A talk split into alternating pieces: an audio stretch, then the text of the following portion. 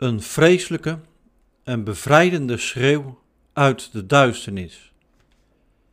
Dit is een Goede Vrijdagpreek over Matthäus 27, vers 46, waarin Jezus aan het kruis het uitroept: Mijn God, mijn God, waarom hebt u mij verlaten?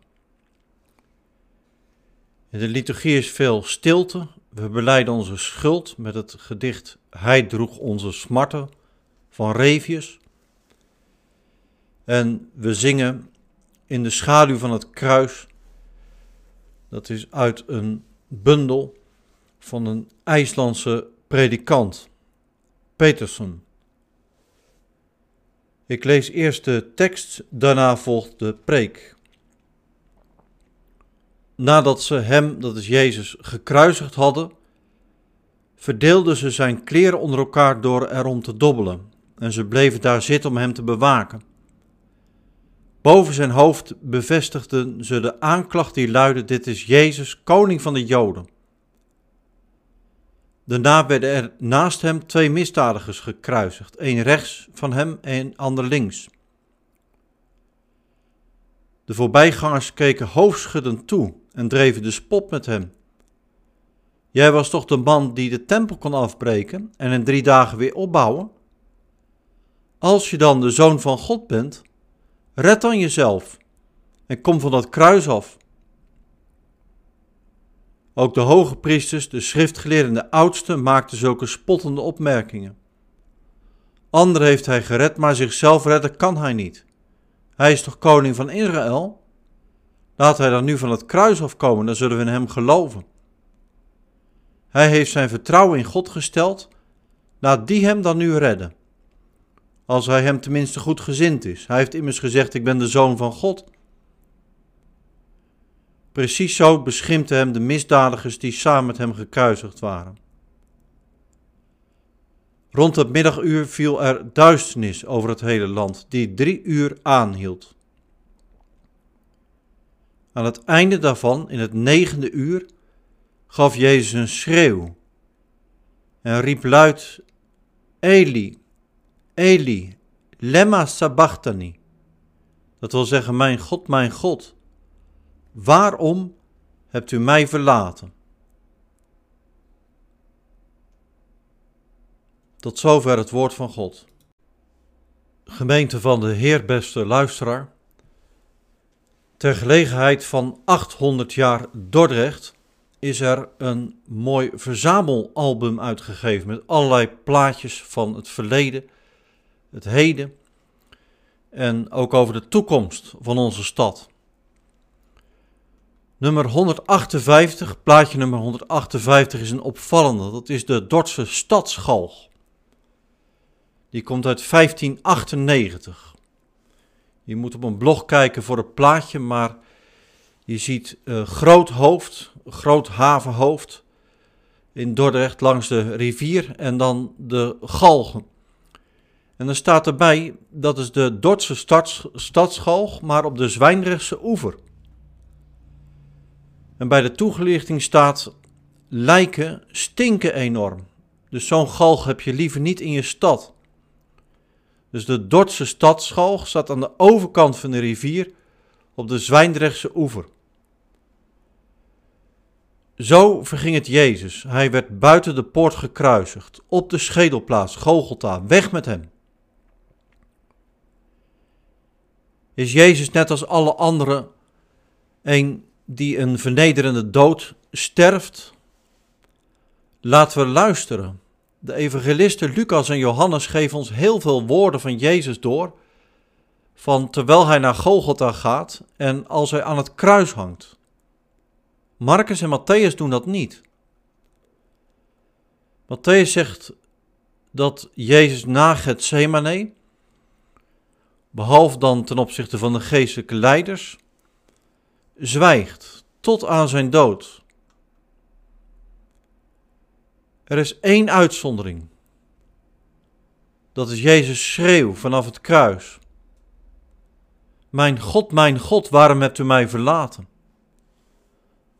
Omdat Matthäus ons alleen dit woord uit Jezus' lijdensuur doorgeeft, ligt daar alle nadruk op. Dat woord zegt blijkbaar wat Goede Vrijdag is. Behalve het zwijgen van Jezus is er nog wat.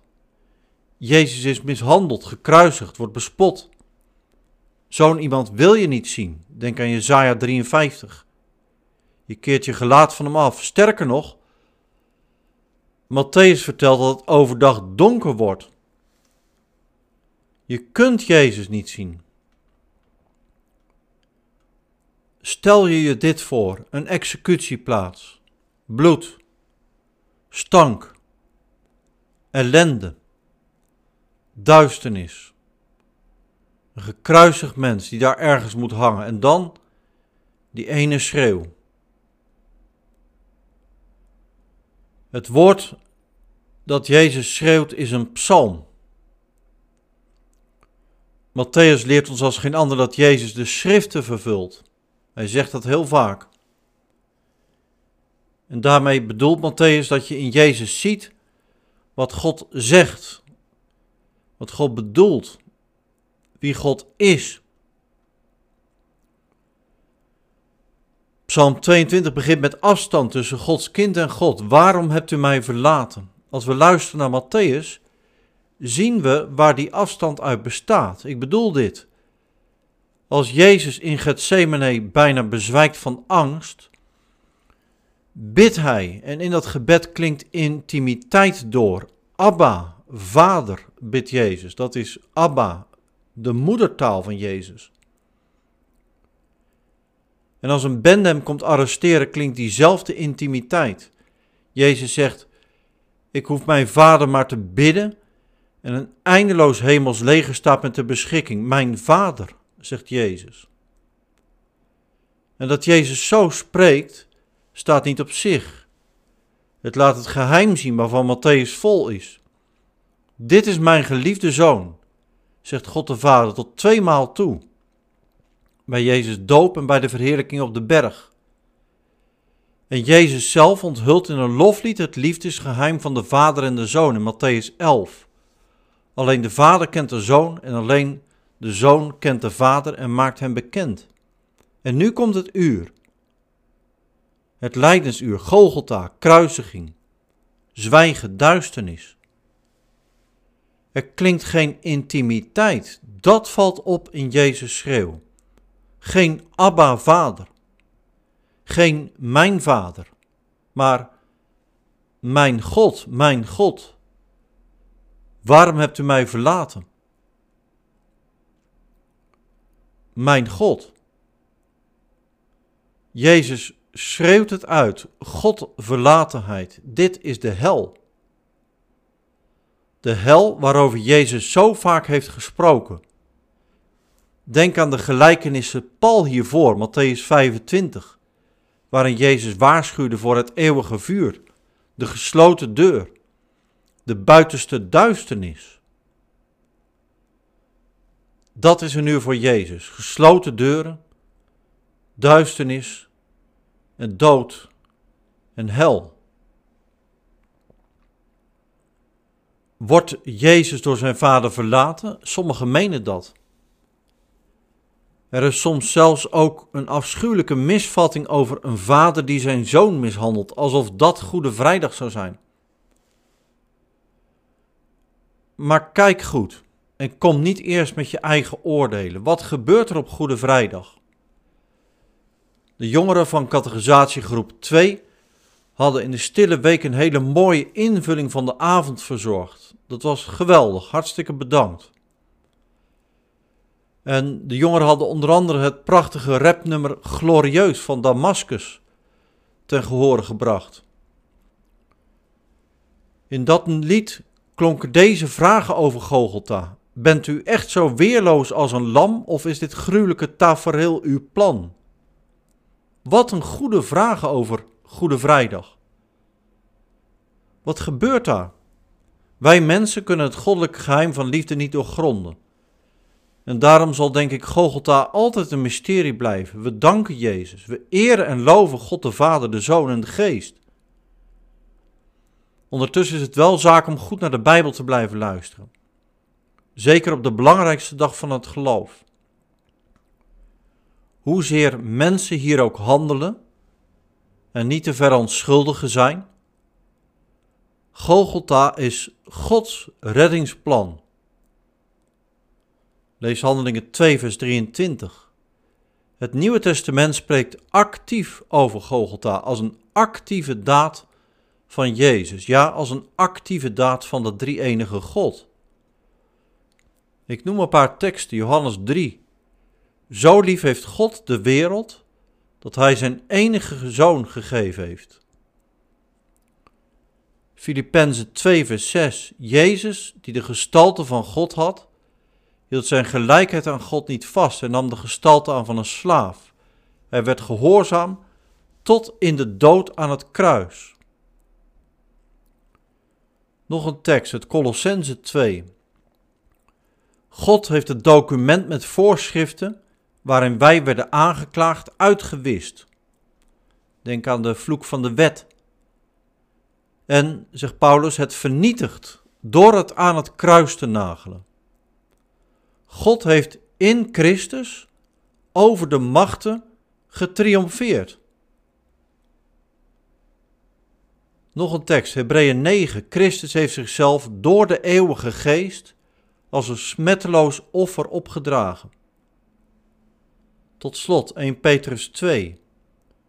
Jezus heeft in zijn lichaam onze zonde het kruishout opgedragen, zodat wij rechtvaardig zouden leven. Hoor je dat? God heeft de wereld lief. Jezus heeft de gestalte van een slaaf aangenomen. God heeft in Christus de machten vernietigd en over hen getriomfeerd. Christus heeft zichzelf gegeven door de eeuwige geest. Jezus heeft onze zonde het kruishout opgedragen. Golgotha is goddelijk ingrijpen. Golgotha laat zien hoezeer God afkeer heeft van zonde en zondaren. En hoe God volkomen trouw aan zichzelf in Jezus en door de geest rechtzet, verzoent, heelt en bevrijdt. Terug naar Jezus' schreeuw aan het kruis. Wat een vreselijke schreeuw. Wat een bevrijdende schreeuw. Ik denk dat je mag zeggen dat deze schreeuw het diepte en hoogtepunt van de Bijbel is. Als je wilt zeggen dat Jezus door zijn Vader is verlaten, denk ik dat dat op een bepaalde manier kan. Het avondmaalsformulier zegt dat bijvoorbeeld ook. Niet om te zeggen dat God niks met Gogolta of met Jezus te maken wil hebben. Nee, luister naar die Bijbelse teksten die ik net heb genoemd, maar wel zo. Dat Jezus in onze plaats ervaart wat het is om als slaaf, Filippenzen 2, machteloos overgeleverd te worden aan de afbraakmachten. En van God los in de hel terechtkomt. En zo een prooi wordt van de dood. Kort en bondig zo gezegd, Jezus zelf zonder zonde, Hebreeën 4, ervaart wat het is om vervloekt te worden, gelaten 3. Eén en al zonde te zijn, 2 Korintiërs 5. Goede Vrijdag betekent dan ook niet dat wij tot Jezus kruishout naderen, dat wij dichterbij moeten komen. Matthäus verhindert ons dat. Je wilt niet kijken, je kunt niks zien. Het is donker. Het is andersom. Wij horen de Heer. De Heer van de heerlijkheid. Vanuit de duisternis van de hel spreekt, ja, schreeuwt Hij ons toe. Jezus laat ons weten dat Hij, Gods Zoon, neergedaald is tot ons, ons in alles gelijk is geworden, al onze ellende kent, onze waarom-vragen stelt, onze ziekte op zich neemt, onze angsten, ons onvermogen, onze schuld, onze veroordeling, ons hele leven heel de wereldgeschiedenis, openbaring 5. Jezus draagt, zoals Petrus dat zegt, al die dingen in zich. En hij draagt die, zoals Petrus het zegt, omhoog. Zoals de evangelist Johannes dat vaak zegt. Zo verlost hij ons van Gods komende oordeel. Dankzij Jezus, Hij bevrijdt. Bent u echt zo weerloos als een lam? Of is dit gruwelijke tafereel uw plan? Zo rept Damascus. Ja, het is allebei. Zo redt God. Eer aan de Vader, de Zoon en de Geest. Het is vandaag Goede Vrijdag. Amen.